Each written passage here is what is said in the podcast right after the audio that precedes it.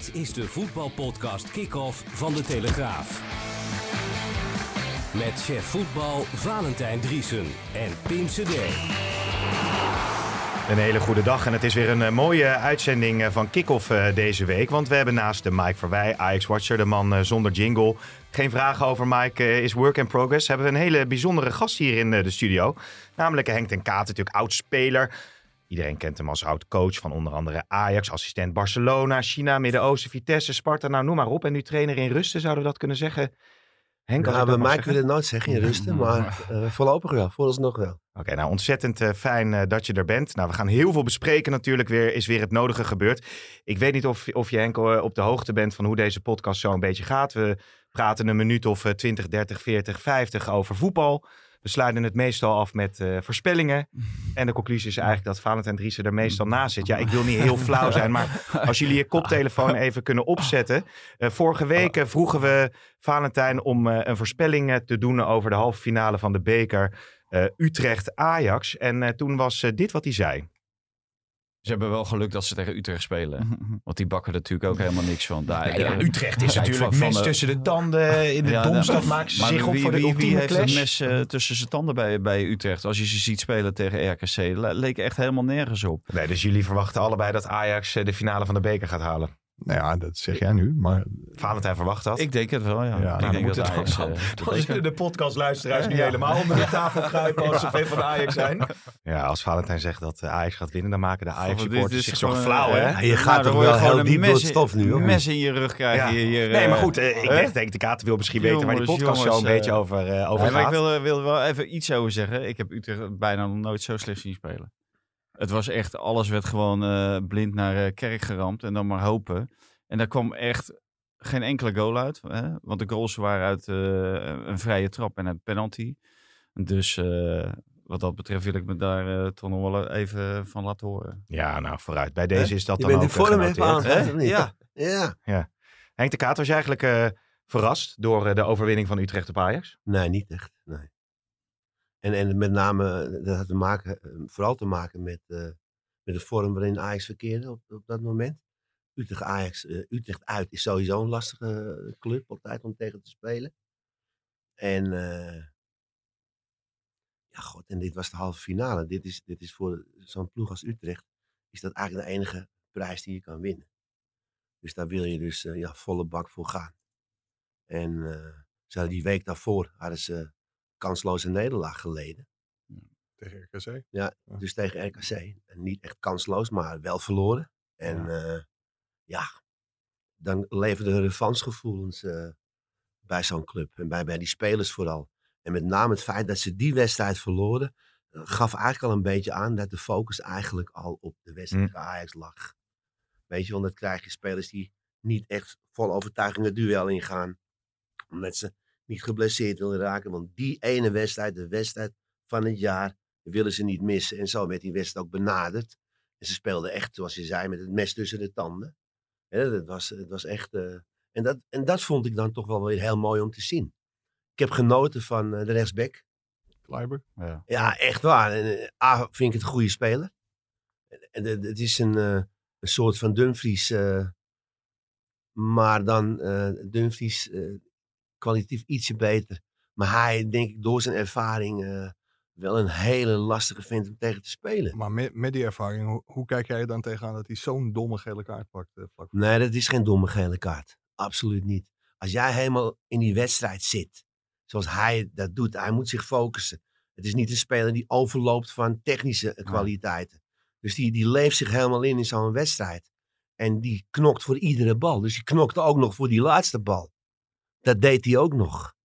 En dat is weer het mooie van sport. En ik zie die jongen huilend van het veld afgaan. Dan heb ik wel echt met hem te doen. En, en natuurlijk heeft uh, de scheidsrechter 100% gelijk dat het een overtreding is die een gele kaart waard is. Maar je kunt je ook inleven in zo'n wedstrijd als scheidsrechter zijnde. En weten gewoon, dat is waarschijnlijk misschien de enige keer die jongen finale speelt. Ja, en die, die ontneem je een beetje. En dan denk ik bij mezelf, ja. zeker zo'n ervaren scheidsrechter als Kuiper. Het is nog één minuut, het is 2-0. Wedstrijd is gespeeld. Kom op, hé. Dus Kuipers had dit gewoon door de vingers moeten zien. Ja, vind ik wel, ja. Ja, ja, ja. Kan je jezelf eigenlijk zo'n soortgelijk moment herinneren? Misschien als speler of als coach. van die, die ultieme teleurstelling? Want dat was natuurlijk enorm pijnlijk voor uh, Kleiber. Nou ja, ultieme teleurstelling heb ik meegemaakt toen ik met Ajax op één doelpunt geen kampioen werd. Ja. Dat was de ultieme teleurstelling. Is dat de grootste Eh, teleurstelling als trainer geweest? Jawel, ja, absoluut. Natuurlijk wel. A was ik sowieso de enige trainer geweest die dan in één seizoen alle drie de prijs had gewonnen in Nederland. Dus daar was ik één goal Mhm. van vandaan. En eh, ja, je, je, je, je werkt met zo'n team een, een heel seizoen naar eh, een apotheose, een, een, een kampioenschap toe. En, en, eh, en als je dat in de laatste wedstrijd verliest, met één doelpunt. Tja. Ja. Weet je, op doelsaldo. En, en ja, dat is vervelend. Terwijl we twee weken daarvoor nog PSV met 5-1 van het matje tikt in Hmm. Eindhoven. Maar jij verloor hem natuurlijk niet eigenlijk. Hè, want jij stond natuurlijk niet bovenaan. Ja, je verliest hem wel. Want tien, tien minuten voor het einde kreeg ik door dat wij kampioen waren, virtueel. Ja, omdat de AZ toen achter stond. Ja, AZ stond achter en PSV stond maar 2-0 voor. Hoeveel kansen heeft Ajax toen eigenlijk gehad, eh, die wedstrijd? En hoe dichtbij was het? Heb je, je we, hebben, we, hebben één, we hebben één grote kans nog gehad. Het was een vrije trap, een terugspeelbal eh, in de 16 van de tegenstander. En die pakte de keeper op die bal. Dus we kregen op vijf meter eh, van de goal een vrije trap te nemen. En eh, die werd genomen door Roger en, en niet door Snijder. Snijder was normaal gesproken de man van de vrije trap. En dan zie je dingen gebeuren. denk je, hoe kan het? Wat gaat er nu Ja. gebeuren? Wat gaan we doen? Ja. Weet je? Ja. En ja. Zeker ook qua hiërarchie in dat team hè, van jou. Ja. Want die hiërarchie, dat zat natuurlijk wel goed. eh Nou, hartstikke Hè? goed. Het was ook wel een goed team. Er waren heel veel jonge jongens. Heel veel. ja. Snijder was Eh, ook nog heel jong hè, toen. Snijder was 20. Ja. Huntelaar was 21. Heidegger 21. Stekelenburg 21. Emmanuel zo'n 19. Babel 17. Zo. Ja, want als je, als je nu die Vermalen namen kijkt- 19. Van de Wiel was Ja, 18 die- denk ik. ja. 19. Ja. Die, die had je En net Het was die een heel jong team was het. Ja. Tom de Mul hadden we nog. Ja. Ja, ja, als want je- als ervaring had je David, Stam, Perez, Ja, Perez Eh, speelde niet veel keep- bij mij, moet nee. ik zeggen. Ehm, keeper. nee, dat was eh Stekelenburg, Stekelenburg. 21. Ja. Dezelfde leeftijd als uh, Klaas-Jan. Mooi om te zien eh, hoe die spelers allemaal, eh, of de meeste daarvan, eh, een prachtige carrière hebben gemaakt. Ja, nee, dat is, dat is het, het mooie bij Ajax. Je werkt altijd met jonge, talentvolle spelers. Kwalitatief goede spelers. En, en dat, is, dat is wel heel mooi. Ja. En eh, waar je heel veel mee kunt. En, ja, de een en- kan daar meer mee dan de ander hoor.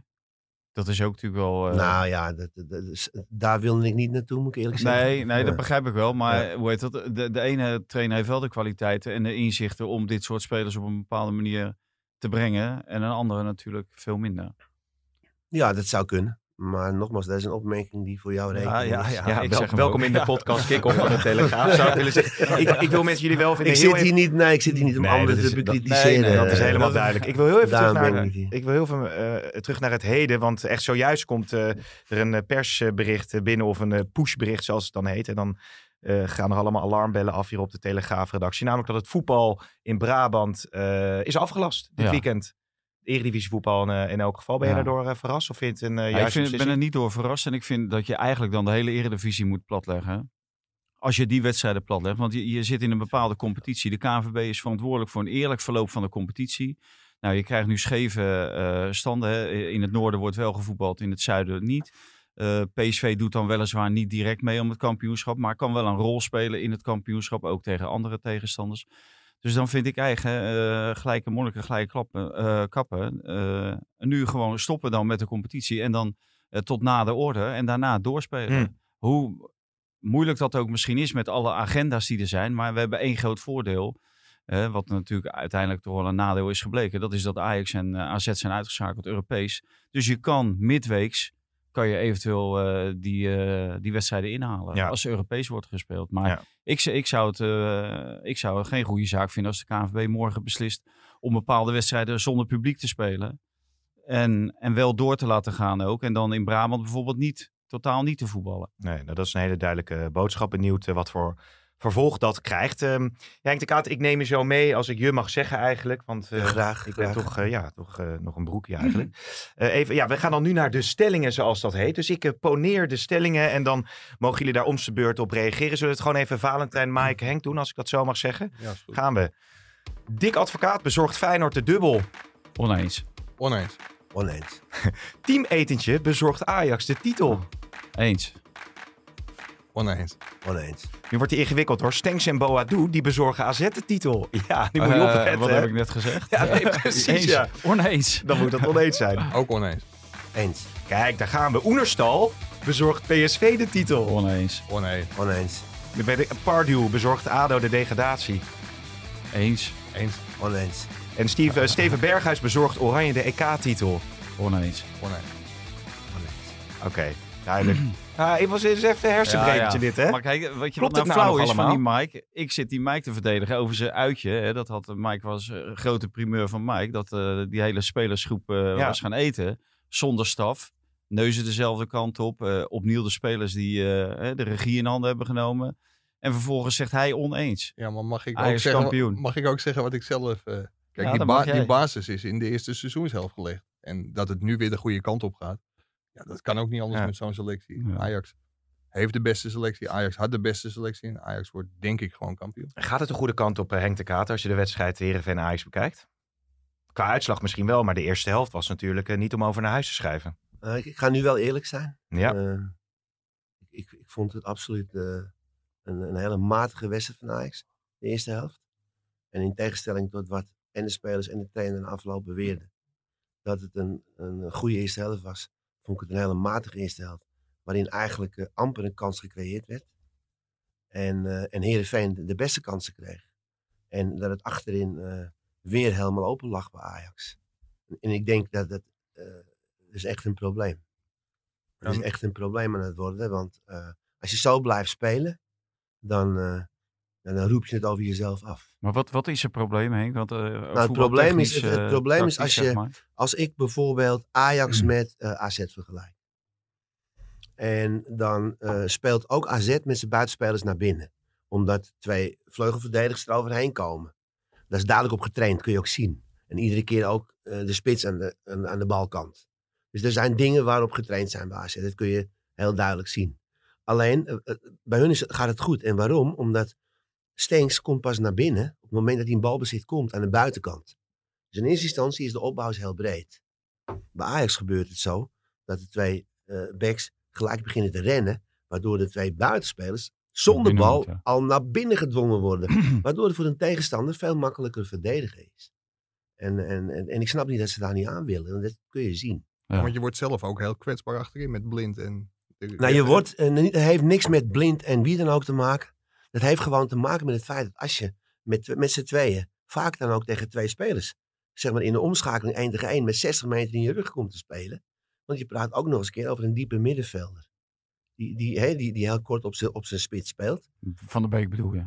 Nou, nee, nee, bij de tegenstander. Oh, En, en dat betekent dus dat je eigenlijk bijna in een 2 tegen 2 situatie komt. Over 60 meter, met Hmm. 60 meter in je rug. Dat is voor niemand makkelijk verdedigen. En dan kun je zeggen, ja, Blind mist de snelheid. Of Perschuurs mist de ervaring. Of eh, Martinez mist de snelheid. Heeft daar niet zoveel mee te maken. maar, Heeft oh, daar niet zoveel mee te maken. Je moet gewoon zorgen dat je restverdediging goed is. Weer het woord. En ik weet dat de trainer daar een hekel aan heeft bij Ajax. Maar het is wel de restverdediging. En de restverdediging betekent dat als je met, aan je rechterkant opbouwt, met je rechtsbeek diep, moet je linksbeek moet er Ja. binnen knijpen. ja. Dan hou je er drie mensen achterin tegen twee. En dat is restverdediging. Dan hou je, en dan laat je verdedigende middenvelder, als hij niet meer in de opbouw meedoet, laat je gelijk doordekken. En dan is er niks aan de hand. Nee, want, want dat is raar. Want eh, wat je ook aangeeft, je ziet alle tweede backs tegelijk gaan. Hè? Terwijl dat is normaal gesproken toch altijd of de rechterkant gaat of de linkerkant gaat. Nou, maar ik heb het, ik heb, ik heb het idee dat eh, Ajax is gewoon heel erg zoekende. En, eh, en, en doordat ze zo zoekende zijn, zie je ook Van de Beek opeens vanuit een heel andere positie spelen. Zie ik ballen bij zijn centrale verdediger op gaan Ja. halen. En dat lijkt me de bedoeling niet, want hij is wel juist de speler die eh, eh, eh, zeg maar bij de spits moet komen. Die, eh, die de goal moet maken. Of die de steekbal moet geven die tot een goal leidt uiteindelijk. En eh, ja, die, daar heb ik niet zoveel aan als je zeg maar Tussen je bij, tussen je twee centrale verdedigers in een bal lopen Ja. op te halen. He- heb, je, heb je altijd controle over dit soort dingen die jij nu benoemt bij Ajax? Dat zijn cruciale niet zaken bij die Ajax niet goed... hoor, het zijn, nee, maar we, algemeenheden. we spitsen en, eh, er daar nu op toe. Maar heb je daar als coach ten alle tijde controle over? Ja, natuurlijk wel. En je staat toch aan de kant, je kan toch ook je mond open doen? Maar waarom zou dat dan bij Ajax eh, zo lang... Want als je naar Heerenveen kijkt, nou, die hadden wel eh, twee, drie keer kunnen scoren Ja, in de er eerste helft. er is Ajax, Ajax heeft, in de, in, Ten Hag, heeft heel duidelijk voor een bepaald systeem gekozen. En, en dat systeem, dat wordt gespeeld. Dat, dat werkte vorig jaar erg goed. Dan moet ik er wel bij zeggen, het werkte heel goed met Masroui als rechtsback. Ja. Dat is een wezenlijk verschil. Masroui of Dest. Dat is Ja. een wezenlijk verschil. Waar, waar- waar ligt dat verschil? Nou, Masroui die veel, veel ingetogener speelt. En Ja. waarvan ik vind dat hij beter het moment kiest om diep te gaan dan Dest. Dest is een beetje ja, een druistige speler die, up, die, die wil gaan. Oh, die en gaat wil- altijd. is een aanval. is echt een aanval. is eigenlijk geen verdediger. Nee. Dat kun je ook zien. En, eh, dus dat is wel een wezenlijk verschil, vind ik. Eh, Maar is het grootste verschil niet gewoon Frenkie de Jong? Eh, nou ja, natuurlijk ben je goede spelers kwijtgeraakt. Maar dat betekent dan, als je in dat systeem met die hele goede spelers heel goed gespeeld hebt, wil dat niet zeggen dat je met andere spelers net zo goed speelt in hetzelfde systeem. Dat hebben zul ze je misschien- seizoen zelf. Dan zul dat je gezien. misschien een aanpassing in je systeem moeten maken. En eh, nogmaals, ik wil niet op de stoel van de trainer gaan Nee. zitten. Want eh, hij werkt iedere dag met die jongens. Hij weet het veel beter dan ik. Alleen, eh, maar misschien wordt het tijd dat hij eh, het herziet. ja, maar Ja. jij bent een Johan Cruijff aanhanger. Ben ben jij voorstander van punt naar voren of punt naar achter op het middenveld? Hè? Nou ik, ik ben niet een voorstander van en punten naar voren en punten naar achter. Het is afhankelijk van de kwaliteit van je, van de spelers die je hebt. En ook tegen welke tegenstander je speelt. Want soms word je gedwongen in de punt naar achteren. Als je in de punt naar voren wil spelen, dan word je gedwongen in de punt naar achteren. Omdat er een diepe middenvelder bij de tegenpartij, zeg maar, de basis is over, over jouw verdedigende middenvelder. Dus dan kom je automatisch kom je in een verdedigende positie te lopen. Dat het hele verhaal van, van eh, systemen en mens. Voetbal is een spel van eh, positioneren. Positioneren als je de bal hebt, zo breed mogelijk en zoveel mogelijk ruimte creëren voor jezelf. En eh, positioneren als je de bal niet hebt, het, het spel, het veld zo klein mogelijk voor jezelf maken, waardoor het heel moeilijk wordt voor de tegenstander om er doorheen te voetballen. Hoe, hoe, kijk Dus jij, linies dicht bij elkaar. Ja. hoe kijk jij dan tegen zo'n incident, Tadic Dest aan? S- Sna, snap je dat? Als ik heel veel mag onderbreken, Michael, daar hebben we kort nog even een fragmentje van. Eh Tadic was natuurlijk, eh, die viel uit tegen Dest. En dat deed, die, hij zei daar na de wedstrijd het volgende over. In my country wij Ja, zijn ja. eh, emotioneel. Ik altijd probeer om, om mijn ploeg om te helpen. En ja, deze was een beetje emotioneel. Ja, hij was een beetje emotioneel. Mm. En dat Ja. komt uit van het land waar hij uitkomt. Maar eh, ga verder. Nou, hij heeft niks met het land te maken. Zoals ik het gezien heb, het- A, hij stond volledig in zijn recht. Ja. En wat hij zei, dat snijdt ook hout. En dat is eigenlijk datgene wat ik al vanaf het begin af zeg. Dat als jij maar met je vleugelverdedigers als een dwaas iedere keer naar voren loopt te rennen. En dan kun je als aanvaller, in dit geval de rechteraanvaller, ook geen bal meer kwijt. Dus als jij ingespeeld wordt als buitenspeler, dan moet je een bal terug uit kunnen halen. En dat, die bal terug uithalen ligt bij je rechtsback. En als die rechtsback iedere keer al over jou heen dendert, dan heb je geen afspeelmogelijkheid meer. Zeg maar, dan wordt de enige afspeelmogelijkheid terug, wordt dan naar je rechter centrale verdediger. Waar heel veel mensen tussen kunnen lopen. En dat zegt hij. Dat Ja. zei hij. Hij zei, je moet vanuit je positie blijven spelen. Want ik moet die bal Ja. terug uit kunnen halen. Want hij legde dat later ook nog uit. Van ja, er kan een goal uitkomen. Dat is ook zo. Ja. Maar En, dat- da- en dat- dat, dat- is, en dat is restverdediging. Ja. Onder andere ook dat is restverdediging. Maar dat zijn allerlei afspraken die worden vooraf gemaakt. Als, als jij nu eh, op de bank eh, zit en, en dat gebeurt voor je, voor je ogen, hoe, hoe, hoe reageer je dan? Wat, wat doe je? Ik, dan kan je toch ingrijpen, of niet? Dan kan Ja, je in ieder geval je slimme, ja, laten... ja. Ja, dat is eh, een Ja, om in ieder geval, eh, vragen, ik zal hier het antwoord op schuldig blijven doen. ik, is ook, ik zou hem iets anders Nee, maar ik heb insteken. jou wel eens Ja? langs de kant zien. eh, Precies. nou, niet zien rennen, maar wel eh, eh, tekeer zien gaan. Op het moment dat daar voor jouw neus dingen gebeuren die, Ja, nou ja, die jij, jullie niet Het- hebben afgesproken, Het- zeg het- maar. Nou ja, het, het is, ik, ik wil zelf natuurlijk ook winnen als ik daar aan, aan de kant zit. En als ik dan zie dat een aantal afspraken niet nagekomen worden. Maar ik ben iets emotionaler. Om met daar niet te spreken.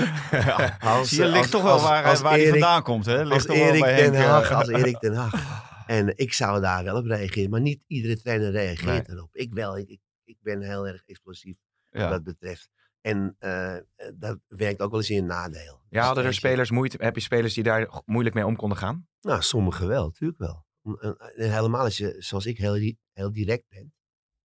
Aan de andere kant, eh, ik ben misschien van de oude stempel. Waarin eh, hiërarchie nog een hele belangrijke rol speelt. En, eh, en ik merk nu wel in het huidige voetbal, en het is niet alleen bij Ajax overal zo, is dat eh, eh, de hiërarchie wegvalt. En voorheen was het zo, je had een aantal oudere spelers, eh, die deelden gewoon de laaks uit. Die waren het verlengstuk van de trainer in het veld. En die, weet je wel, die zeiden wat je moest doen. En die hielpen je. En eh, die ondersteunde je ook. Alleen nu is het zo dat, eh, ja, dat dat hiërarchische gedeelte wegvalt. Waardoor je botsingjes krijgt, zoals met Dest en Tadis bijvoorbeeld. Want eigenlijk zou ik zeggen dat die Tadis van een draai oren moeten geven. Dat moet je aan een snotneus. Ja. Hoeveel Ja. wedstrijden heb je al in Ajax 1 gespeeld? Maar Gewoon doen wat ik zeg. Ja. Hij, hij, hij verwoordde het nog heel netjes. Maar en in wezen moet hij gewoon zeggen: hey, gewoon je grote bek dicht houden. Ja. Ja. en doen wat ik zeg. Klaar. Ja. maar hoe zou je daar een dag daarna als trainer mee omgaan? Zou je het op zijn beloop laten? Of zou Nou, eh, wacht even- even. Dat, dat weet ik niet. Dat, dat- dat- Nee. Nogmaals, iedere situatie is anders. Je kunt, en zeker niet van een afstand, kun jij gaan zeggen wat je moet doen een dag daarna Nee. of twee dagen daarna. Heb jij wel eens tegen spelers gezegd van, eh, gaan jullie lekker een eh, avondje, eh, lekker eh, hapje eten, misschien ook stappen, zorg dat je om één uur s'nachts thuis bent, maar zorg er nou even voor dat die groepsdynamiek lekker loopt. Neem ik even een stapje terug. Nou, nou ja, ik niet, maar ik kan me het wel voorstellen. Of dat het initiatief vanuit die spelers zelf komt. Dat is toch hartstikke goed? Ja. Ik vind het hartstikke geweldig. Als een spelersgroep zelf initiatief toont. Omdat ze zien dat het niet goed gaat. En dat ze koppen bij elkaar steken van jongens, zo, dat kan zo niet langer. Het betekent ook, namelijk, dat ze toch heel veel vertrouwen in die trainer hebben. Want anders krijg je het feit dat ze zich Ja. af gaan zetten tegen die trainer. Dat Ja. doen ze niet. Dat doen ze dus niet. Dus het betekent dat ze wel vertrouwen in die trainer hebben en in de kwaliteit van die trainer. Dus ze gaan op zichzelf, gaan ze, oké, het is de schuld ligt niet bij hem. Hij legt het goed uit, de trainer goed, alleen wij doen het niet goed. Dus we moeten iets gaan veranderen, want dat kan niet. Nou, en als dat dan eh, het resultaat is dat je door middel van een etentje met 3-0 eh, of 3-1 wint bij Heerenveen. Dan zou ik, zou ik voorstellen... Elke om, week eh, uit eten. Elke week uit eten. ja, ja, ja, precies. Ja. Vraag of je het dan kan declareren bij Ajax, maar dat eh, zal niet nodig zijn, denk ik. Nou, bij Overmars niet, denk ik. maar jij hield bij NAC ook bewust mee om een hiërarchie te, te creëren. Dan zei je tegen Schreuder van, nou, al die gasten die te laat komen, vang jij ze op. Ik, ik doe een oogje dicht. Jawel, want ik, ik, je, je moet als trainer niet alles willen zien ook. Nee. Weet je, dat is, dat is echt zo. Want, want dan blijf je alleen maar eh, de boeman. Politieagenten spelen. Ja, dat, dat, dat, is- dat is hetzelfde als je als ouder altijd maar je kind bestraft. Als ik altijd maar moet zeggen tegen mijn kind van... Hey, ja, nou moet je je eten opeten. Maar je wisselt dat af met je vrouw, weet je wel. En dan krijg je... Want anders ben ik een boeman. Ja. Ja. En dat wil je dus niet. En, en als je wat oudere spelers in je team tot je beschikking hebt... Kun je zeggen, joh, regel jij die kleedkamer nou? Regelen jullie die kleedkamer? En, eh, en het heeft veel meer impact als een speler tegen een andere speler zegt... Hé, hey, potverdorie, je moet nou op tijd komen. Want eh, anders krijg je een schop voor je flikker straks op de training. Ja. Weet je wel? eh. Maar, dat maar, heeft veel meer zin dan dat ik 50 euro boete geef. maar jij was ook een type dat tegen een aanvoerder kon zeggen van, ik kaf voor jou de eerste training helemaal uit. Dan weten de spelers in ieder geval dat het gelijke monnik en gelijke kap is. Dat ik ook geen onderscheid maak tussen mijn aanvoerder. Nou ja, dat, waren, Aha. dat, waren, dat zijn spelletjes die je speelt. eh. en dat is gewoon meer om, weet je, om aan iedereen te laten zien van, hey, wacht eventjes, ik maak geen enkel onderscheid. En eh, dit, is, eh, dit is de grens. En, eh, en, of je dan, en dat is niet altijd afgesproken hoor. Soms, soms want zo was ik nou eenmaal. En als ik vond dat iemand het niet goed deed, dan zei ik dat ook wel gewoon. Mm, mm. Want je hebt het nu over Schreuder. Ik heb met dezelfde Schreuder heb ik wel overhoop gelegen, ook het eerste trainingskamp. Dat ook hij moest wennen aan mijn directe manier van, van coachen. En, eh, en, maar uiteindelijk is er een hele mooie band uit ontstaan. En, en ook hele goede resultaten. Maar het is heel belangrijk dat je spelers in het veld hebt. Die dingen voor jou regelen. Want eh, de speler in het veld, en ik ben zelf ook speler geweest. Jij voelt het beste de wedstrijd aan. Ja. Die trainer aan de kant echt niet. Jij voelt het aan. Jij voelt of je de baas bent in het veld. En jij voelt of je de baas bent over je directe tegenstander. En dat zie je vanaf de kant, kun je het veel minder zien. Hier spreekt een eh, ervaren trainer. Een nog ervarener trainer is eh, Dick Advocaat. Die natuurlijk een weergeloze reeks eh, neerzette met Feyenoord. Eh, afgelopen weekend weer gewonnen van Willem II. En Valentijn, jij vroeg ook aan Jens Toornstra. Hoe nu verder in die race om de titel? Zie je overeenkomsten met wat kampioensjaar? Eh, bijvoorbeeld eh, de ontwikkeling in de spelersgroep, eh, naar elkaar toe groeien, dat soort zaken. Ja, dat wel. Een stukje onoverwinnelijkheid dat er is ontstaan eigenlijk. En eh, ja, het enige verschil is dat we nu moeten jagen in plaats van eh, dat, we, dat we bovenaan staan. Ja, of dat meer druk meegeeft, ja, weet ik niet. Maar eh, wat ik zei, we gaan proberen onze wedstrijd in ieder geval te blijven winnen. En dan eh, ja, kijken waar het kan eindigen. Wat is nou eigenlijk het grote geheim van uh, Dick Advocaat dat hij dit Feyenoord zo goed laat presteren? Zeker in vergelijking met uh, Jaap Stam. Nou, nou, er is geen uh, geheim, denk ik. Het geheim is duidelijkheid. Advocaat is ook nog een trainer van de oude stempel. En die is heel duidelijk naar zijn spelers toe. En die eist ook datgene wat ze afspreken, dat het uitgevoerd moet worden. En dat gebeurt dan ook. Het is niet spectaculair, want ik vind het niet echt geweldig om naar te kijken, want daar moet je heel eerlijk in zijn. Alleen, je moet ook heel eerlijk zijn dat de resultaten verbluffend goed zijn. Dus hij doet daar uitstekend werk. En dat is eigenlijk een beetje typisch dik advocaat. De manier waarop hij functioneert en hij het beste functioneert, is vanuit een hele gesloten en, en gedegen organisatie. Voetballen en dan de ruimte aan de tegenstander laten. En dan toch gokken op die counter. En hij heeft daar de ploeg voor nu. Nou, hij doet het gewoon hartstikke goed. Complimenten. Ja, en complimenten voor Steven Berghuis. Want die wordt zelfs nu van gezegd uh, dat het de beste speler van de eredivisie is. Ben je het eigenlijk mee eens, Valentijn, of niet? Nou, op, sorry, op dit moment is hij inderdaad uh, de beste speler. En dat heeft natuurlijk ook te maken met de terugval bij Ajax. Uh, want daar liepen Tadic, Ziyech. Dat zijn natuurlijk in potentie ook topspelers, ook voor de eredivisie. En minimaal net zo goed als Steven Berghuis. Alleen op dit moment maakt hij het wel iedere keer waar. En neemt hij zijn ploeg ook op sleeptouw. En ook door belangrijke goals te maken. En wat je bij hem wel ziet, dat vind ik dan uh, de ontwikkeling van buiten, zie je dat hij steeds meer ook die groep meeneemt. En voor, voorheen was hij voornamelijk met zichzelf bezig. En hij is nu veel meer met de groep bezig. En uh, dat, dat deed hij in het begin van het seizoen ook wel. En toen liep hij zichzelf af en toe voorbij. En dat zie je nu eigenlijk niet meer gebeuren. Want hij doet ook geen hele domme dingen meer. Nee, en dat maar, vond ik in het begin van het jaar wel. Toen, ook nog toen hij de aanvoerdersband kreeg. Maar eigenlijk is dat een beetje het verlengde wat jij zegt, Henk. Over, over bepaalde spelers ook die verantwoordelijkheid meegeven. Het lijkt wel alsof hij dat ook echt voelt, Steven Berghuis. En dat ook ja, echt uitstraalt uh, over het hele team. Ik, ik weet zeker dat uh, hij uh, heel erg close is met, met advocaat. En dat die samen heel veel spreken. En, over hoe ze gaan spelen en, en wat, wat ze verwachten van de rest. hij, hij zich vol aan het ontwikkelen, die jongen. Wel mooi om te zien trouwens.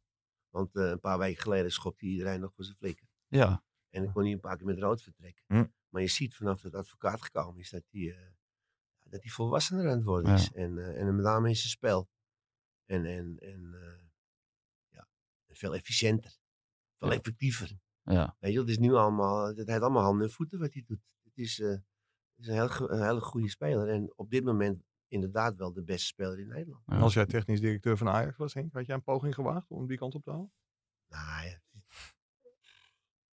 Ik weet sowieso niet. Ik ken de club Ajax, ik weet hoe ze werken, hoe het functioneert. Ik weet niet wat er in de jeugd loopt. Ik weet niet wat er in, in, in de tweede elftal loopt. Uh, en dat is, dat is de situatie bij Ajax altijd. Je kijkt altijd, oké, okay, voor een bepaalde positie. Uh, wanneer komt er iemand aan? Zit er een in de B1 of in de A1? Als er een in de A1 zit, gaan we wachten. Gaan we wachten, wachten we een jaar. Ja. Weet je wel, die komt eraan en die neemt die positie over. Is het in de B1, ja, dan moeten we twee, misschien wel drie jaar wachten. Naar, dan moeten we er eentje kopen. Dan moeten we er een halen. Dus het is heel moeilijk te zeggen. Uh, het is een goede speler die, uh, die kwalitatief uh, wel de kwaliteit heeft om waar te spelen. Ja. Maar bij Ajax kan je natuurlijk eigenlijk niet meer wachten, Henk. Je, je moet eigenlijk instant succes hebben tegenwoordig. Zeker als je natuurlijk mee wil blijven doen met die grote Europese jongens. Dat is, dat, ja, dat, maar... dat is de lat die ze hebben neergelegd. Ja, maar Ajax, Ajax kan niet structureel mee blijven doen met die grote jongens. Dat is echt, het is echt een unicum geweest uh, vorig jaar. Het is een unicum geweest. Het kwartje viel goed. Uh, het zat mee in de wedstrijden. Want uh, Madrid uit kun je ook na een kwartier met 2-0 achter staan. Ja. En dan is het aan oefening. En dan ga je er misschien met 4-0 zelf af. Dus weet je, het, het, zat ook niet tegen. Het is eigenlijk dit seizoen begonnen tegen te zitten. Vanaf Chelsea. Ja, vanaf Chelsea eigenlijk. Maar ja. het zat heel erg mee bijvoorbeeld Valencia uit. Ja. Dat vergeten we misschien allemaal met z'n allen. Had Onana de vier zekere goals uit. Maar dat bedoel ik, weet je. En daar hebben ze dus de kansen gehad om, om misschien wel met 3-0 te verliezen. En dan wonnen ze nog. En op een gegeven moment ja, is, het, is het gedraaid, ook door middel van... Vanwege het feit dat er uh, spelers geblesseerd raakten. Ja. Uh, waardoor je uh, automatismes gaat missen in het veld. En, en al die jonge spelers kunnen nog zo talentvol zijn. Je kunt niet meer zomaar even Ziyech vervangen. Nee. Je kunt niet meer even zomaar uh, Neres vervangen. Dat is niet, Nee. dat, dat is niet zo. Dat gaat niet. Nee, maar daar, daarom draagt Mike natuurlijk bijvoorbeeld iemand als Berghuis, die in de Nederlandse competitie natuurlijk eigenlijk er bovenuit steekt. Eh Ziyech gaat weg. En, en daarom krijg je natuurlijk die, die verhalen van... Ja, is Berghuis wat voor, voor Ajax op dat moment? Stengs, Boadu, Iatare. Ja, dat, dat zijn Jawel, maar zo kan je wel iedere jonge goede speler opnoemen. Die moet allemaal naar Ajax.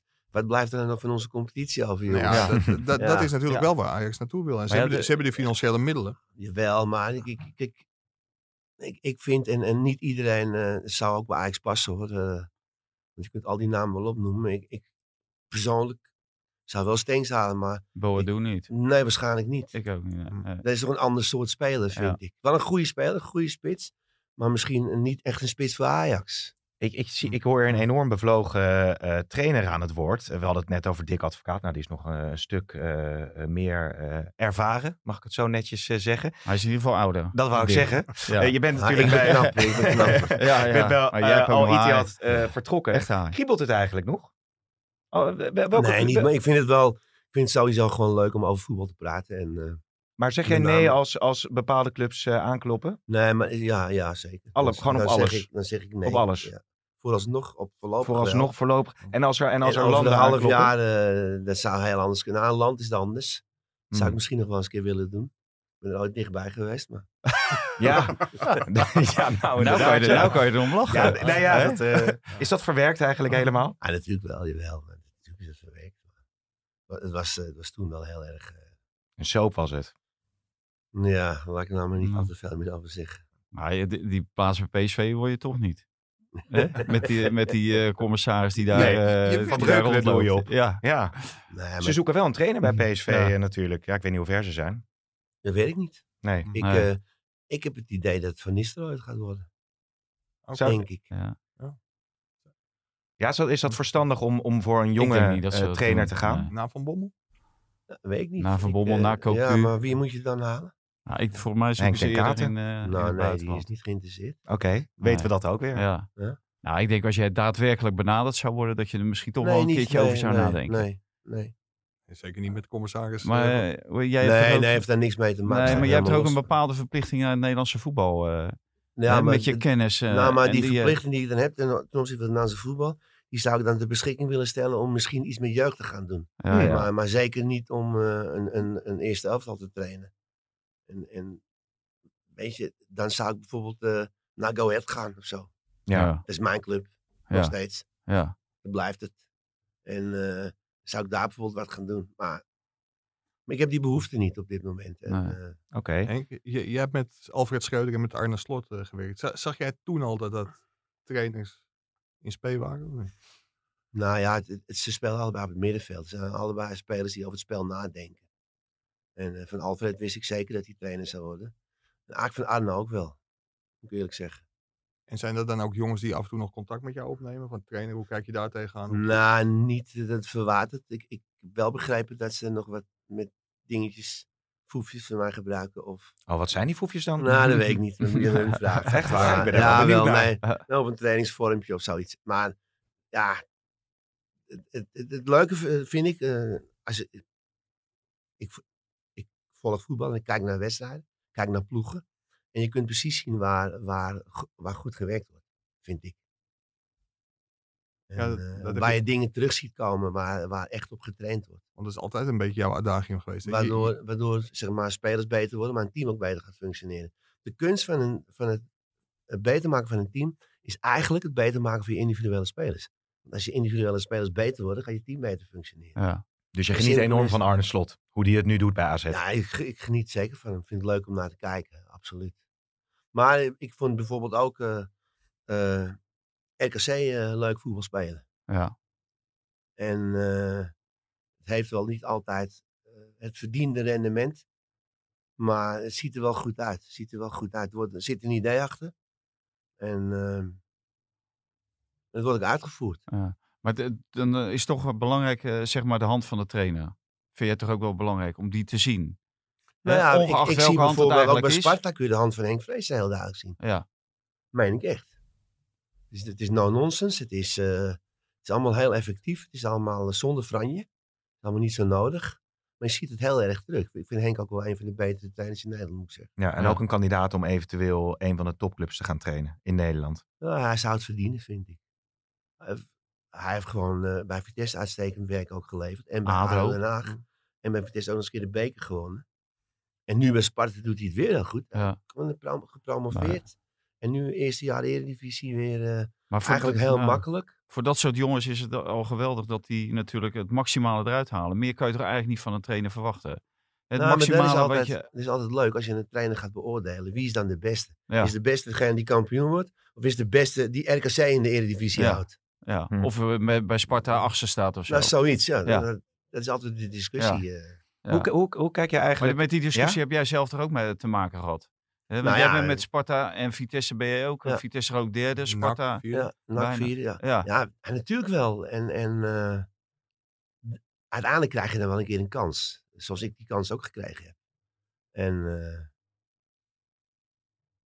maar dan moet je dus wel het hele traject af, ja. afwerken. En eh, daarmee onderstreep je eigenlijk wel weer het, het feit van eh trainen is een ervaringsvak. ja. Hm. Henk, Henk, even Maar- een, een zijstap. Hoe, hoe, komt, hoe komt het dat er zo weinig Surinaamse trainers eh, actief zijn in de Eredivisie? Is dat een kwestie van kansen krijgen of is dat een kwestie van... Ja, Ja, dat weet ik niet. Misschien, misschien een aantal jongens die niet zo geïnteresseerd zijn om trainer te worden. Dat kan natuurlijk ook nog. Ik, ik weet niet hoe die verhoudingen liggen. En eh, moet zeggen dat die Surinaamse jongens die het wel gedaan hebben, redelijk succesvol geweest zijn. ja. ja, precies. Dus nou ja, ik, ik, ik weet het niet. Ik, ik, ik zou niet weten waarom. Eh, Nee, maar sto- je bent zelf Surinaam. Stoort dat je dat er zo weinig... nou nee, maar ik ken ook weinig, echt heel veel Surinaamse trainers. Nee, maar bijvoorbeeld wat je net aangeeft van Vrezen, moet, dat, die zou natuurlijk wel een keer een kans moeten krijgen dan. Nou ja, ik, ik denk als Vrees ooit een kans krijgt dat het bij eh Feyenoord, Feyenoord gaat zijn. is. Want dus, hij heeft natuurlijk een verleden bij die club. eh, Ja. Eh, ik denk ook dat hij als trainer er heel goed Past. bij zou passen. Ja. Eh, het no-nonsense eh, principe, eh, geweest, hard ja. werken en, eh, Ja. Ja. en, en puur en voor het resultaat gaan. Ik wil toch even naar het Nederlandse elftal, sorry. Nou, eh, ja, dat Kan, nee hoor, nee, het is een grapje. Ehm, Mourinho die, had een opmerkelijke persconferentie waarin hij eh, inging op de blessure van een van zijn nieuwe sterspelers, eh Bergwijn. Terry, can you tell us the prognosis for, for Stephen and of course Ben as well? Uh, Steven, you want to say? I don't expect him to play this season. Ja, wat is er nou eigenlijk aan de hand, Valentijn? Nou, ik denk dat, we, dat dit een toneelstukje van eh, Mourinho is. Eh, Ik heb even wat rondgebeld en zo erg als hij het eh, voorstelt, ja, dat is gewoon voorbarig op dit moment. Eh, er moet nog een ander onderzoek moeten gedaan worden. Er is wel bepaald onderzoek gedaan, maar daaruit bleek niet dat er of, of iets ernstig gescheurd was of iets gebroken was. Eh, hij wordt nu gewoon behandeld. Dus ja, ik heb eerder het idee dat hij eh, Steven Bergwijn heeft gebruikt voor die wedstrijd richting eh, Leipzig. Want die wil die ja, die, hij gaat die natuurlijk niet winnen. Hij gaat niet door in, in de Champions League met dit materiaal tegen Leipzig. Ja, en wat kan je dan beter doen als, als de aandacht verleggen? En even later eh, eh, heeft hij ook geroepen, ik hoop dat Leipzig een goal voor ons maakt. Ja, wat zijn dat nou voor uitlatingen van een, van een trainer? En eh, volgens mij is dat ook al omdat hij in de Premier League er slecht voor staat. wordt het heel penibel om sowieso Europees voetbal te halen. Ja, en dit, dit lijkt wel indekgedrag. Ik zit even te denken, eh, eh, Henk, ken, ken jij Mourinho goed? Eh, hebben jullie nog samengewerkt? Ja, dat, ik ga even terug naar Barcelona. Of is dat, eh, Nee, dat is er niet is- zo, hè? Nee, er is, er is wel iets, eh, een akkefietje geweest oh eh, ja. met Barcelona met hem. Vertel. Nou nee, dat was, dat was toen eh, eh, tijdens die wedstrijd, in de rust van die wedstrijd. eh, die wij tegen Chelsea speelden, die wonnen we met 2-1. Oh ja. En eh, toen heeft hij eh, de scheidsrechter eh, ook na de wedstrijd nog op een, eh, hele onheuse manier bejegend. Eh, die is uiteindelijk met doodsbedreiging gestopt met fluiten. Dus Ja. Anders Fries. Ja, was die zweet, ja. Ja. Anders Fries. En, eh, Dus daar is hij voor geschorst, toch? Toen? ja, hij, hij Ja. betichtte hem van eh, partijdigheid en hij was omgekocht. En want dat soort eh, Ja. teksten. En, eh, maar ja, we kennen hem zo langzamerhand. Hij is heel succesvol geweest, maar nu heeft hij twee clubs. Is hij eerst Manchester United. Dat was al minder, hè? minder materiaal. En, eh, en nu Tottenham, minder materiaal, maar hij presteert helemaal nul. Hm.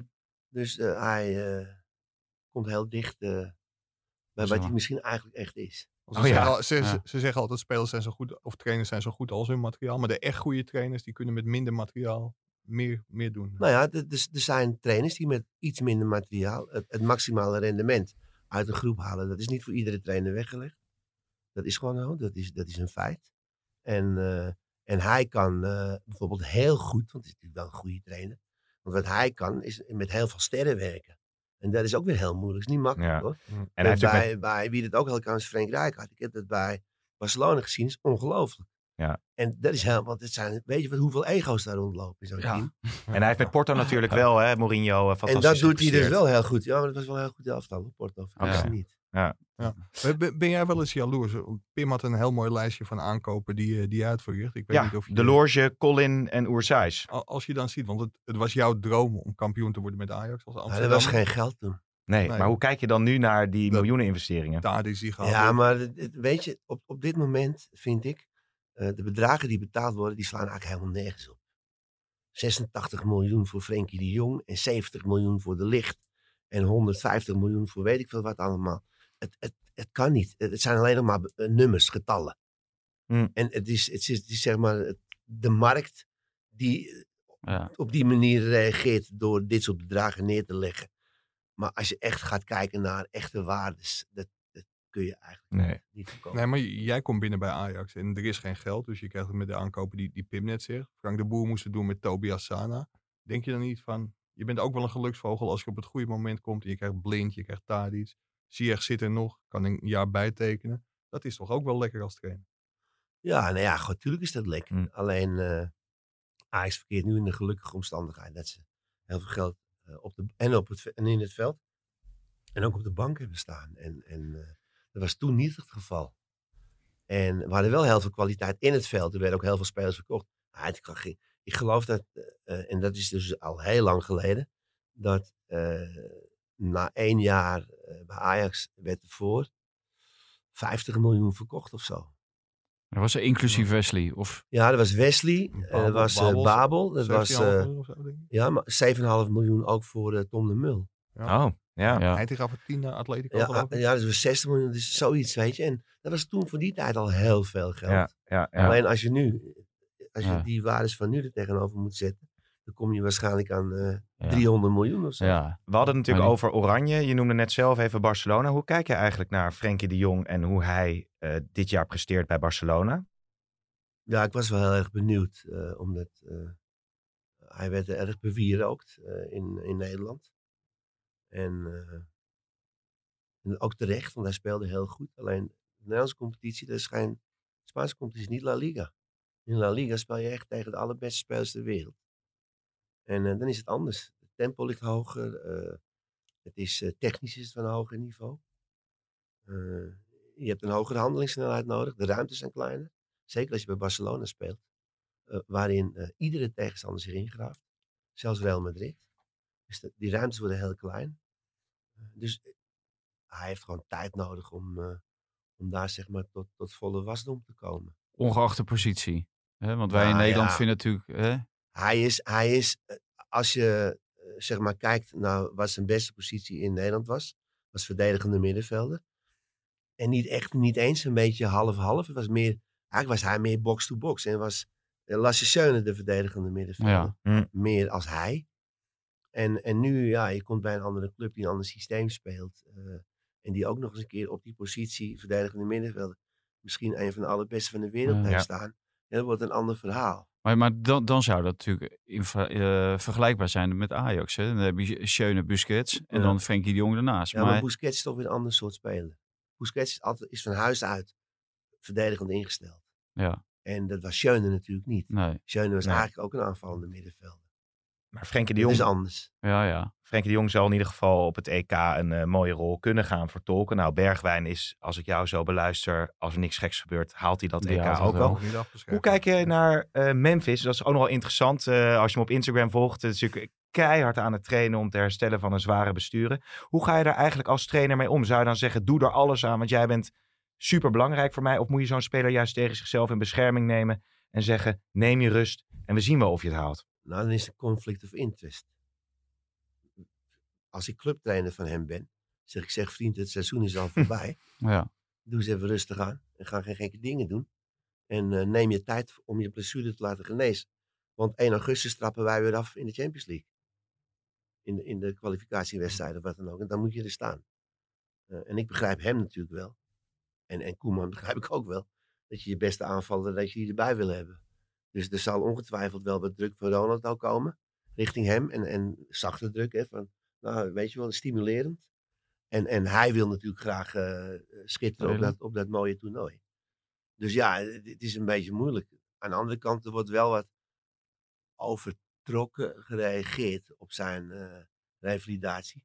Al die jongens die met zo'n blessure kampen, die trainen zo hard. Ja, Moet Nee, de aardigheid in Zeist gaan kijken. ja. Die Nederlandse jongens, hoe die tekeer gaan daar met kruisbandblessures, dat wil je Ja, niet weten. nee. Dus, eh, het wordt een beetje... eh, Social media tijdperk. Ja. ja. Jawel. Maar Ja, hij het is voor het eerst dat je een beeld krijgt van eh, iemand die revalideert. En daarvoor heb je dat nooit gehad. Dus je weet niet hoe Van Nistelrooy daarmee om is gegaan. En, en andere Nou, jongens. reken maar dat die jongens uh, Daar heb jij dichterop gestaan tot natuurlijk. toe uh, gewerkt hebben. Ja, Dat ze over de grond kropen van de pijn en toch weer gingen. ja. Dus weet je, dit, ja, dit moet heb gewoon zijn tijd nodig, zoals bij ieder ander. eh, ik hoop, uh, ik moet wel zeggen, ik heb een speler meegemaakt bij Barcelona, Henke Larsson. Die stond na drie maanden weer op het veld. Ja. En toen moesten de doktoren hem tegenhouden. Uh, en hij kwam naar ons en zei, nee, ik kan spelen. Ik, ik kan Oh, ja. niet trainen, ik kan alles doen. En, en het was ook een oermens hoor, Henke. Sterk, altijd in de, hij zit altijd in de gym, weet je wel. Het was een hele, hele echte, echte, echte atleet. ja. Maar na drie maanden. Maar ge- ook geopereerd En- aan die kruisband. Ja, in Amerika. En na twee weken, dus, dus na drieënhalve maand, toen hebben die doktoren gezegd, hij was niet meer te houden. Ja, ga maar. Ja, Maar hij is nooit meer geblesseerd geraakt, hoor. Eh, Nee, en hij heeft nog een hele be- belangrijke rol Ja. in de finale ja, ja. Champions League gespeeld Ja, voor ja. ons. Ja. ja. Met een geweldige assist. eh. Zo. Dus ja, dus het, het kan wel. Het, Ja. het, kan, het kan. Maar als bondscoach nu, als je naar eh, de selectie voor het EK krijgt. Ja, ik had, ik had de stelling opgeworpen. eh, Berghuis gaat de EK, eh, de EK-titel eh, bezorgen voor Oranje. Berghuis of Bergwijn? Berghuis was, Oh. was dat, hè? De, Ah. de, de speler van, eh, van dit Ja. seizoen. Maar hoe, hoe schat je de kans in, eh, Henk, van het Nederlands elftal? Nu met een geblesseerde Memphis. Malen die eh, eh, aan het herstellen is. Eh, Bergwijn die nu toch... In eh, ieder geval minder groot dan wanneer en Malen en, Ja. en, eh, en eh, Memphis er wel bij waren natuurlijk. Maar ze kunnen het Eh, EK wel winnen, denk jij? Nou ja, er, er zijn een aantal ploegen zijn, eh, zijn kandidaat. En eh, ik denk niet dat Nederland het beste team heeft. Dat denk ik zeker niet. En dan welke linie? Dat bedoel je de, de aanvallende linie? Ja, nou ja, god, Of- als, of, jij, als eh, jij twee van dit soort eh, aanvallers mist. eh, we zijn wat dat betreft in Nederland niet erg eh, verwend met, met hele goede aanvallers. Nee. Met, zeg maar buiten categorie aanvallers. Ja, Die andere ploegen wel hebben. Ja. En je backs? Je backs... eh Ja, ja. Daly is natuurlijk geen echte back. Nee, maar Denzel doet het is, wel, Het, eh, het is, het is zeg maar eh, het team. Het, het is wel een echt team. Ja, En, en dat is heel lang dat het niet zo was. Maar het Nederlands elftal is echt een team. En dat is wel de verdienste van, van Koeman en zijn staf. ja, En, en, en die jongens, die, je, je ziet echt dat ze ergens mee bezig zijn. ja. Wel mooi om naar te kijken, moet ik eerlijk zeggen. Ja, Ja. ja. Een vraag die trouwens, eh, Mike, op jouw Twitter heel veel binnenkwam. eh, we hadden het over blessures net, dus ik kan hem even insteken. Is over Neres. voel- voel hem aankomen. ja. Wat is er met Neres aan de hand? Wanneer komt hij terug? Gaan ze hem nog in actie zien, de Ajax-fans? Ze gaan hem, als het goed is, nog in actie zien. Maar dat duurt nog een tijdje. En dat is wel, eh, wel heel opvallend. Want hij raakte op 5 november geblesseerd uit tegen Chelsea. Hij werd gewisseld. Hij werd vervangen door Schuurs. Vanwege alle rode kaarten die Ajax, Ajax kreeg. En pas drie dagen later had iedereen door. Toen werd bekendgemaakt dat hij geblesseerd was geraakt aan zijn knie. Een week later is hij geopereerd. Een meniscusoperatie. En toen is eigenlijk gelijk de verwachting uitgesproken dat hij na de winterstop weer zou kunnen spelen. Hm. Hij is ook meegegaan naar Qatar. Heeft een deel van de groepstraining hervat. Ja, en daarna is er iets misgegaan. En wat, dat is mede door de privacywet ook wel een, wel een groot raadsel. Hij is, eh, hij is weer geblesseerd geraakt. Een terugslag gekregen. En de verwachting is dat hij niet voor half april, eh, of in ieder geval niet voor april op het, op het veld zal staan. Nee. En hij laat zich inmiddels ook buiten de club behandelen. Hij is vier keer in de week bij Fysiomed in het Olympisch Stadion in Amsterdam. Wordt hij behandeld door, door Leo Echtelt en zijn staf. Dus ja, dat, dat is niet goed gegaan. En waar het mis is gegaan, dat weet niemand. Maar ja, zeg maar ruim vier maanden aan de kant staan. Bijna vijf maanden met de meniscusoperatie. Dat is volgens mij niet nodig. En als het gaat over Veldman en Masraoui, daar komen natuurlijk ook veel vragen over binnen. Veldman is ook lang eruit. Veldman- Masraoui? Ja, Masraoui is, is op de weg terug. En redelijk dicht bij een rentree, wat we, wat we begrijpen. Babel komt terug. Dus ja, als het coronavirus een paar wedstrijden stil ligt, dan heeft Ten Hag binnenkort weer een hele, hele fitte selectie. Ja. We gaan, ja? Eh, Henk, wat- denk jij eh, eh, wat eh Toornstra zegt, jager of eh, opgejaagd worden? Wat, we hoe, hoe zie jij die titelrace eh, Nou, ehm, Ajax heeft verreweg de meeste kwaliteit. Eh, dat, is, dat is absoluut zo. Ik vind dat AZ het leukste voetbal speelt. En misschien wel het beste voetbal op dit moment. Eh Feyenoord is het degelijkst. Maar Feyenoord staat wel 7 punten achter. 6 plus het doelsaldo. Ja. Hm. En dat houdt in dat, je, dat Feyenoord drie wedstrijden meer moet winnen als Ajax. In de resterende negen. Ja. Maar dat geloof ik niet in, moet ik eerlijk zeggen. En ook als, als, als AZ. Dus, dus dat geloof ik niet Maar in. die Dus moeten er zal- twee voorbij, ja. het zal tussen AZ en, en, en, en Ajax gaan. Maar waarbij AZ een hele goede kans heeft, hoor. vergis je niet. ja. En als het op de Maar laatste vind, je- vind, je speel... AZ, ja? vind je AZ ook eh, goed spelen op het moment dat ze eh, dominant moeten spelen? Dat de tegenstander eh, eh, terugplooit, eh, dat ze de, Nou, het, de gemak waarmee ze kansen, nee, het gemak waarmee ze kansen creëren. Ook zag ik, ik heb toevallig, ik heb de wedstrijd gezien. Ik volg, ik volg ze nu een beetje. Ja. Eh, tegen A- ADO Den Haag. eh, wat heel verdedigend speelde. Ze creëren toch behoorlijk wat kansen, hè, gelijk in het begin al. Ja. Er zit heel veel beweging in het team. eh, het, het team staat goed. Ze hebben een aantal erg goede individualisten. Eh Idrissi, eh Stenks, Ja, eh, een fantastische middenvelder. eh, Mietje. Mitchell. ja, ja, echt een heel goede speler. En eh, een lekkere linksback. En ben, ben jij verbaasd door Dani de ja. Wit? Ja, Ja. Ben je ook verbaasd door Dani de Wit hoe je het nu doet? Eh, Want die heeft Ajax laten gaan. En daar is ook ja maar dat begrijp ik wel. Moet ik Eerlijk zeggen. We, we, Dat, dat, dat begrijp ik wel. we, we moeten rustig Ik richting begreep een niet dat ze bijvoorbeeld gaan. Noah Lang eh, lieten gaan. dat is altijd eerlijk buitenspelen. Op het moment dat jij twee of drie buitenspelers geblesseerd hebt in de winter, dan moet je toch eigenlijk voor de zekerheid gaan. Ik, ik denk dat ze, dat ze verwacht hadden, denk ik, dat die spelers veel eerder terug zouden Ja. komen. En dat misschien er een terugslag is geweest in het revalidatietraject. eh, waardoor ze eigenlijk eh, ja, te laat waren en het niet meer terug konden draaien. Ja. Nou, nou, is er, nou is er bij Ajax, Henk, een, een beetje een discussie gaande. Van dat je geblesseerde spelers misschien wel beter buiten de club kunt behandelen. Omdat als Sier, Tadic van de week kleine pijntjes hebben, dan liggen die als eerste op die massagetafel. Dus dat je buiten de club meer de volle aandacht op het herstel van spelers kunt hebben dan. Eh, Heb jij, ben jij er ook tegen aangelopen? Of hoe sta jij Nou, nee, dat, dat, dat heeft alles met je medische staf te maken. Hoe goed is je medische staf? En, eh, Hmm. en als die goed is, Dus het feit dat Neres Meer dan buiten... hoe groot. Meer dan hoe groot. Want Mike, maar geef in feite aan van, hè, dat je eigenlijk te weinig mensen misschien hebt. Nou, bij Ajax heb je niet te weinig mensen. Nee? Ik geloof dat er eh, in de organisatie van Ajax 10 of 12 fysiotherapeuten rondlopen. Dus Maar- lijkt mij dat dat niet te weinig Nee. is. Er lopen, ik denk, drie of vier artsen. Dus ja, nee, dat geloof ik niet. Nee, dat kan je gewoon in eigen beheer doen. dat, dat lijkt me wel. Ja. Het is wat anders, omdat sommige spelers hebben vertrouwen in een bepaalde Ja. eh, arts of in een bepaalde fysio. Waarbij zij zich beter voelen, eh, persoonlijk beter voelen. Dat heeft niks te maken met de kwaliteit van die fysio bij Ajax. Maar gewoon het feit dat ja, misschien een goede vriend of eh, vanuit het verleden Ja. eh, Ja. goede ervaringen met een blessure met een bepaalde fysio hebt. Maar Ja. wat je wel hoort, als je nou echt een hele goede Hij fysio... wilde mee stoppen, man. Ja, Nou, ik wilde- bij- bij- Nee, ik wil er niet mee stoppen, maar ik moet, laten we anders... Ja? Zal, ik, zal ik gewoon zo... Mike nog een punt, Ja. Valentijn nog een punt en eh, Henk nog een punt en dan moeten we stoppen, want anders gaan we over het uur heen. Ja, vol- volgens mij als je een fantastische fysio bent, dan werk je niet bij Ajax. Ook wel zeggen, als je een fantastische podcast hebt, mag je langer Ja. dan een uur ja, zijn. ja, dat, dat sowieso. Dus we gaan nog even door. Ja, Hij is niet zo zuur trouwens deze Nee, week. is ook, nee, helemaal niet. Nee, nee. Nee, maar als je een fantastische fysio bent, dan werk je volgens mij niet bij Ajax. Dan heb je je eigen praktijk, zoals Leo Echtel. En dan eh, komt er veel meer geld binnen. ik. Weet dat niet. Ik, ik weet Nou, het is niet. ik ben het ook niet met je eens. Er zijn natuurlijk eh, eh, jonge eh fysio's die heel erg veel kwaliteit hebben, maar die de financiën missen om een eigen praktijk te starten. Ja. Ja. En eh, dan is het toch een zegen als je bij Ajax mag werken en kan werken. Ja. Het staat ook Ajax- goed op je cv, echt-? Ajax, maar ook Ja, dat- dat- PSV dat en. Feyenoord.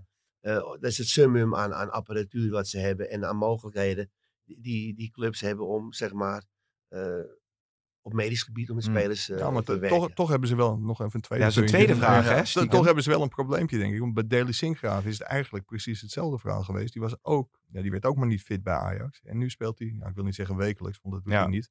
Maar wel gewoon bij Leverkusen in de Bundesliga. Nou, zouden alle alarmbellen afgaan bij jou als je, die, als je zo'n reeks aan blessures krijgt als coach? Zou je dan intern gaan kijken van wat is hier mis en moet het Nou, anders niet eens zozeer organiseren? de reeks, maar misschien meer... Ja, het ligt eraan aan, aan, de gezien, aard, ja. aan de aard van de blessures. Als het, allemaal zeg maar eh, identieke blessures zijn, dan moet je je eigenlijk gaan afvragen of je iets misschien niet helemaal goed doet.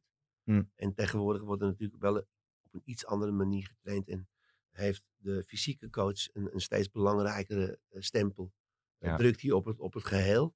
Eh, en dan zal je met elkaar moeten gaan zitten van, eh, eh, we moeten misschien iets beter gaan afstemmen van datgene wat ik doe als voetbalcoach op het veld en jij als eh, fysieke coach op het veld. Misschien is dat wel net iets te veel. Ja. En het kan ook iets te weinig zijn, maar dat zijn dan de discussies die je moet gaan voeren. Ja. En met name als je, als je zeg maar identieke, als jij alleen maar bijvoorbeeld eh spierblessures hebt, eh, kuit of hamstring. Ja, dan moet je toch gaan afvragen of je misschien iets Ja. niet helemaal goed doet. Ja. Dat, Mike heeft twee vragen gesteld. Ja, dus ik mag zijn ook tijd is twee, op. Nee, nee, dan mag nee, nee, één hele, Nee, hele korte. mag. Nee, Nee, Oh, korte. nee, nee, Oké. één, één korte. Die gaat, dat is eigenlijk meer buiten het voetbal. Ik zag net een foto van Ronaldinho. Die zit gewoon in de gevangenis in Paraguay. Ik heb het gelezen, ja. Het is een speler het- waar jij me, ja, het- bij Barcelona verbaast- mee hebt gewerkt. Ja, voor mij de allerbeste speler ter wereld. Waar je mee gewerkt hebt of sowieso? Ja, nou ja, ook, ook Jij hebt ook nog met die anderen gewerkt, toch? Ja, weet ik, maar ja, Messi is, eh, eh, is geweldig. Ronaldinho was briljant. Beter. ja. Nee, briljant. Het wa- het was een genie. Hij deed dingen die niemand anders deed. En zelfs Leo, is Messi natuurlijk geweldige voetballer. En die het al zo lang volhoudt. Dat op zich is al een Ja. prestatie op zich. Hè? En het is ook genot om naar te kijken. Alleen eh, Ronaldinho had dingen die niemand anders had. Nee. Maar die deed iets die, die verbaasde jou, zeg maar. Ja, die hij deed iets waar, waar Nee, dat je maar hij, denkt van... hij hè? verbaasde de hele wereld. Ja. Eh, voor het eerst eh, heb ik iemand een paas met zijn rug zien geven. Dat was hij. Hij- hij- hij- maar oh, bewust, hè, gewoon. Een keeper die een bal uitschiet en hij dan zo. Oh. Henk, de, de, Ja? de, de microfoon. Ja, nee, maar zo. En hij speelt hem door op Eto'o en die scoort Ja? vervolgens. En dan gewoon heel bewust. Ja, ja. Maar dat soort, eh, ja, Ja. misschien ook wel rare dingen. In, eh, Maar wel bijzonder natuurlijk. Ja, ja. in je enthousiasme vergeet je even dat we hier voor een microfoon praten. Overigens Ja, ja. aardig om te melden. Want hij is een Paraguaanse, eh, Paraguayaanse gevangenis, zit hij in. Hij schijnt zich snel aan te passen, zegt de gevangenisdirecteur. Hij is altijd opgewekt en hij glimlacht altijd. Ja, maar dat is toch zo. Dat, is, dat is, dat- de man typeert Ronaldinho zoals hij eigenlijk in werkelijkheid Ja. ook is. Ja. Hij lacht altijd, heeft altijd plezier. En het is een hele vriendelijke man. Eh, ik heb zelden een, een, een topspeler gezien die zoveel eh, energie stak in het praten met fans en het uitdelen van handtekeningen en foto's. En eh, wij moesten wel eens gewoon een uur met die bus wachten. Stond Ja. hij weer- oh. Ja. Maar hij probeerde met een vals paspoort binnen te komen of zo. Heb je daar zelf nog iets Dat over is- gehoord? ja, of? Dat is zijn broer.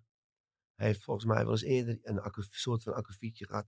Het gaat altijd om financiën en om dingen. En, Mm. Ja. Dus ik weet het niet. Ik, ik, ik zou het niet weten. Ik, ik hoop dat hij gauw vrijkomt in ieder geval. eh, en dat hij niks gedaan heeft. En als hij wat gedaan heeft, dan verdient hij straf. En Stuur je hem dan nog een berichtje?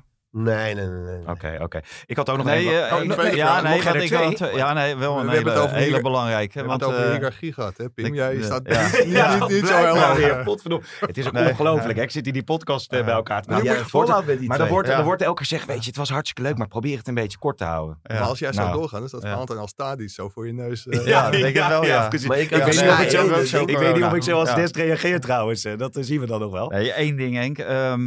Die KNVB met hun plan eh, om dadelijk eh, het winnen en verliezen. Hè? Een streep door winnen en, en verliezen Hij te zetten. tranen op mijn wangen rollen. Of, Ja. Oh, oh. of is het van huilen? Ja, dit, dit is, ik, ik weet niet. Die meneer die dit verzonnen heeft, eh moet ze opsluiten. Ja. Oh, Het is, Dat, dat staat haaks op alles wat met, met sport te maken heeft. Sport gaat om winnen. En, en of je nou jong bent of, of, of, of oud. En als je in de veteranen speelt, speel je ook om te, wil je ook winnen. ja. Weet je, niet meer ten koste van alles, dat is een ander verhaal. Maar je wil wel winnen, je speelt om te winnen. Als je aan het klaverjassen bent, dan speel je niet om te verliezen. Nee. Speel je ook om te winnen, probeer je te winnen, een spelletje Ja. te winnen. Eurotje dat, kruis, dat zit, eh, Daar zelfs als je winnen en verliezen mens misschien erger je niet speelt, afschaffen. speel je om te winnen. Ja. Ja. Nou, nou zoeken we altijd een kop voor deze podcast, maar ze moeten Jan Dirk van de Zee opsluiten. Die, die, Maar, maar, maar die- die- even die serieus wel, ik. Hoe, hoe definitief is het eigenlijk? Want eh nou ja, Nou Dick ja, Advocaat heeft er wat over gezegd. Jij hebt er een opinie over geschreven. Nee, nou ja, de, volgende week eh, dan zitten de coaches betaald voetbal zitten bij elkaar. Ik weet niet of Henk ook lid nog is. Ik ben nog lid, ja. Dus die gaat waarschijnlijk ook. En die gaan daarover praten. Maar die hebben in feite daarover niets te vertellen. Nee. Hè? Dat heeft de vergadering, eh, heeft dat... eh, Maar natuurlijk heeft die vergadering eh, het laatste woord. Maar het lijkt mij dat ze niet zomaar voorbij zullen gaan aan de mening van de coaches. En, Nee. en, en met name, ik, ik denk ook, misschien moet je het wel helemaal niet bij die coaches neerleggen. Maar juist bij de, de opleiders neerleggen. ja. En eh, De opleiders zitten ook aan tafel voordat eh, die beslissing eh, wordt genomen. En eh, Mike heeft Just Pay, de bondsvoorzitter, vorige week eh, gesproken. En die laten ook al wat ruimte over om eventueel toch wat dingen Dus- te veranderen in de plannen die er nu gaat er, liggen. Je- dus dit gaat je- er niet komen. maar als je, Nee, dat mogen we hopen van niet. Hmm. Als, als je kijkt Ogen. naar, eh, wij zijn een klein land. Toch? Een heel Ja. klein land. En wij zijn groot in voetbal. En waarom zijn wij groot in voetbal? Omdat wij graag willen winnen. Ja. En daarom winnen we ook zo vaak. En omdat we een geweldige structuur hebben. Ja, maar dat is, dat is onderdeel En dat- daarvan. ja. Maar een heel belangrijk onderdeel van die structuur is dat je wel moet willen winnen. Want als, Ja. je, niet, als je speelt voor de lol, Nee.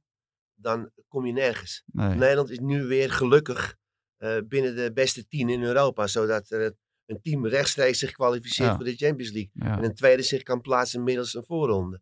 Weet je, daar Ja. moeten we wel weer naartoe. Ja, en dan, dan is het natuurlijk, dit staat haaks op eh, wat er bij de KNVB gebeurt natuurlijk. Eh, Want ik las nu ook een stuk van Dit is eh, geen vraag, Alois- maar een mening. Hè? Alois Wijnker. mocht ook nog. Ja, Alois Wijnker, hè, die gaat dan ook werken bij de KNVB. Hè. Die is afkomstig uit de opleiding van AZ, die heeft in Amerika gewerkt.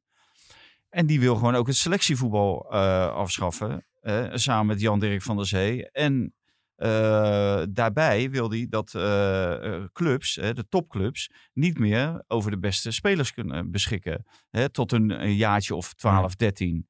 Ja, dan denk ik ook, ja, dit is het paard achter de wagen spannen. Want die, juist die hele goede spelers, die worden beter van spelen met goede spelers. Ja. En niet met jongens die leuk doen in de, in de breedte sport, in het breedte voetbal, zeg maar. Dus ja, er zitten wel wat haken en ogen aan. En ik vind ook, en daarom ben ik ook blij dat die coaches zich hierover allemaal uitlaten. Ja. Ik vind wel dat je daar een nuance in moet brengen, hè, in, in, in die leeftijd. In, in, in opleiden. Eh, als eh, opleiden onder 12 betekent dat je eh, per dag eh, 130 of 150 kilometer moet rijden om bij een club te komen en Hmm. terug om naar huis te gaan om weer je huiswerk te maken. Dan ben ik ook tegen jongens van onder de 12 om dat te doen. Ik vind dat je, omdat van die hele grote groep van jongens onder 12 haalt waarschijnlijk maar 1% betaalde voetbal. Ja. Ja. En 99% valt af. En, en dat impliceert dat je erg te maken hebt met heel veel teleurgestelde spelers. Die misschien zelfs wel stoppen met voetballen. Want die komen dan terug Ja. bij hun vriendjes. Die zijn, hebben gefaald. Ja, maar dat, dat, ook, ook dat is dan weer iets ja, ja, waarvan maar dat ik wel leeft, zeg... toch, dat leeft toch niet echt binnen die groep hoor. Eh, dat, eh, dat ze dan terugkomen en gefaald. Hè? Ik ze, eh, hoort dat mijn kinderen zitten zelf een beetje in die leeftijdscategorie. En zo. En toch, en daar zijn ook een aantal spelers. Hè, die, die zijn dan bijvoorbeeld bij Feyenoord teruggekomen. En die worden gewoon normaal opgevangen. En die gaan gewoon weer Ja. terug in die, in die hele Ja. piramide. Maar het zou toch wel eens wat zijn. Hè? 160 kilometer, dat haal je bijna nergens in Nederland. Volgens mij alleen ergens in Zeeland. In de uiterste punt van Zeeland. En dan heb je misschien nog NAC. Maar stel je dat die ene procent is Messi. Maar Messi is gewoon, hè, je hebt met hem gewerkt. Die is volgens mij op zijn twaalfde of dertiende, zelfs van Argentinië, Met zijn ouders. met zijn ouders naar Spanje Dat is een gegaan. ander verhaal. Hè? Die gaat dus met zijn ouders. Met zijn ouders. En, Die worden in een huis in Barcelona neergezet. Dus hij, zijn sociale status verandert niet. Want zijn ouders zijn bij hem. ja, Ja. En hij heeft niet in de Masia gezeten. Echt dat hij daar sliep. Want hij woonde gewoon met zijn ouders in, in Barcelona. in, in, in een appartement in Ja. Barcelona. Dus dat is een ander verhaal dan wanneer je eh, zeg maar echt kinderen weghaalt. Ja, ja, ja. Nee, Ja, we gaan- voor lang, eh, wat, wat jullie bij Go, Go Ahead Go vroeger Ahead hadden wij vroeger, daar hadden we een internaat. Ja, Maar dat waren geen jongens van 12, hè. dat waren allemaal jongens van eh, 15, 16 jaar. ja, ja. Dus die zijn al wel een stuk Ja. groter. Ja. Ik ben wel voorzichtig in, eh, in de, de opvoeding en begeleiding van die jongens. is eigenlijk eh, ook een Nou, maar dat, belangrijke daar, tuurlijk, boodschap. daar sta Dus- ik ook eh, nee, volledig achter dat dat inderdaad moet gebeuren. Ja. Maar ik vind wel dat er ruimte moet zijn voor de beste spelers om met de beste spelers te spelen en tegen de beste spelers te spelen. Duidelijk. Wordt, dit wordt ook ongetwijfeld vervolgd. Jij bent nu klaar? Ik ben klaar. Eh, ja, ik wil eigenlijk vragen... Maar Henk, laat- Henk die heeft het laatste Oh, woord. oh, nee. nee, mag ik dan dat soort circusje Oh. rond? Oh, Henk heeft het laatste woord. Nee, ik wou het laatste Nee, woord. ik niet. la- laatste. laatste, Nee. laatste speelronde. Eh, de kampioen moet komen. Durf je dan te kijken eigenlijk? Wordt het dan AZ of Ajax? Nou, dat weet ik niet. Maar je zei AZ toch volgens Het mij? zal er een van de twee zijn. eh, en eh, ik geef AZ een hele goede kans. Oké, oké. AZ is echt... eh, kijk, je moet niet vergeten, er spelen een hele hoop factoren mee. Een van de allerbelangrijkste factoren, AZ heeft de gunfactor. Dus helpt dat mee? Nou, dat helpt wel Met tegenstanders mee. bedoel je? Dat helpt wel. ja, En bij en bij scheidsrechters en bij alles en iedereen. Dat helpt mee. En dat werkt. Ja. En dat is echt zo. En eh, dus eh, mijn boodschap aan alles wat Ajax is, eh, onderschat dit niet. Want eh, dit is nog lang geen gelopen race. Oké. Maar in, in jouw persoonlijke ervaring heeft dat ook niet geholpen. En toen had AZ ook de gunfactor. Hè? Ja, maar die gingen dus in die, Die op die ene goal. ze door het ijs. Ja. Want Wil- dat kan ook nog steeds gebeuren bij AZ. Denk ik ook Dat iets denk eerder. ik, dat, zou, dat zou kunnen. Dat zou kunnen. Maar, Ik denk dat ik het opgeef. Ik blijf gewoon zitten hier. Ja, oké. nee, maar Ajax, Ajax, Ajax heeft verreweg de meeste kwaliteit. Dat staat buiten iedere discussie. Ja. Alleen eh, vorm gaat bepalend zijn. En, en AZ is in vorm. En, en die wedstrijd, die overwinning op Ajax, eh, heeft ze een verschrikkelijke boost gegeven. Ja, ja. Een ontzettende boost. En, en de manier waarop ze tegen Den Haag speelden, het eh, zag er goed uit. Ja. Henk, Henk die wilde de schuld bij Den Haag trouwens niet aan de trainer eh, of bij de trainer Pardew. neerleggen. Nee. We niet En dat? ik, dat begrijp ik misschien wel. Ik weet niet of ik, dan praat ik eigenlijk voor hem. Maar ik heb gezegd van Pardew wel, omdat hij heeft ervoor gezorgd dat al die spelers erbij zijn Ja, gekomen. ja, ja, de hele, Kijk, dat en ik denk als- als Pardew met- ik, ik, dat vind ik te makkelijk, want er zijn ook mensen spelers. binnen, Maar A- binnen ADO Den Haag die hem toestemming geven om die spelers te Ja, halen. ja, ja. Die ja. hadden ook daarvoor kunnen gaan liggen en zeggen nee. ja. Ik, ik zeg, eh, de biertap komt eh, op dit moment eh, binnen. Dus we gaan door, maar we zetten Ja, de podcast maar uit. waar, je hebt nog nooit wat geregeld voor ons. Ik heb het. Jezus, krijg het er helemaal warm van. Henk, ontzettend bedankt dat je er was. Ik vond het eh, ja, zeer inspirerend. En ik hoop eigenlijk dat we je nog eens een keer langs het trainingsveld zien. Want dat zou toch heel mooi zijn voor het Nederlands voetbal. Eh Valentijn en Maaike, ook bedankt. Graag En tot de volgende keer. Dag. Mooi.